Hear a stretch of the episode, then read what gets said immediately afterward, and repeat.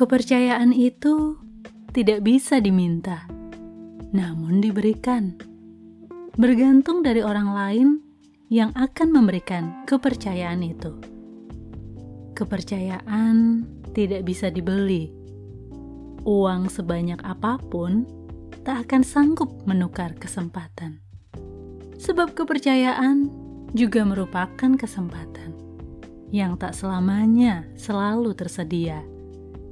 Saat kesempatan, kepercayaan itu ada, terimalah, jagalah baik-baik, sebab belum tentu ia akan datang kembali atau dengan cara yang sama.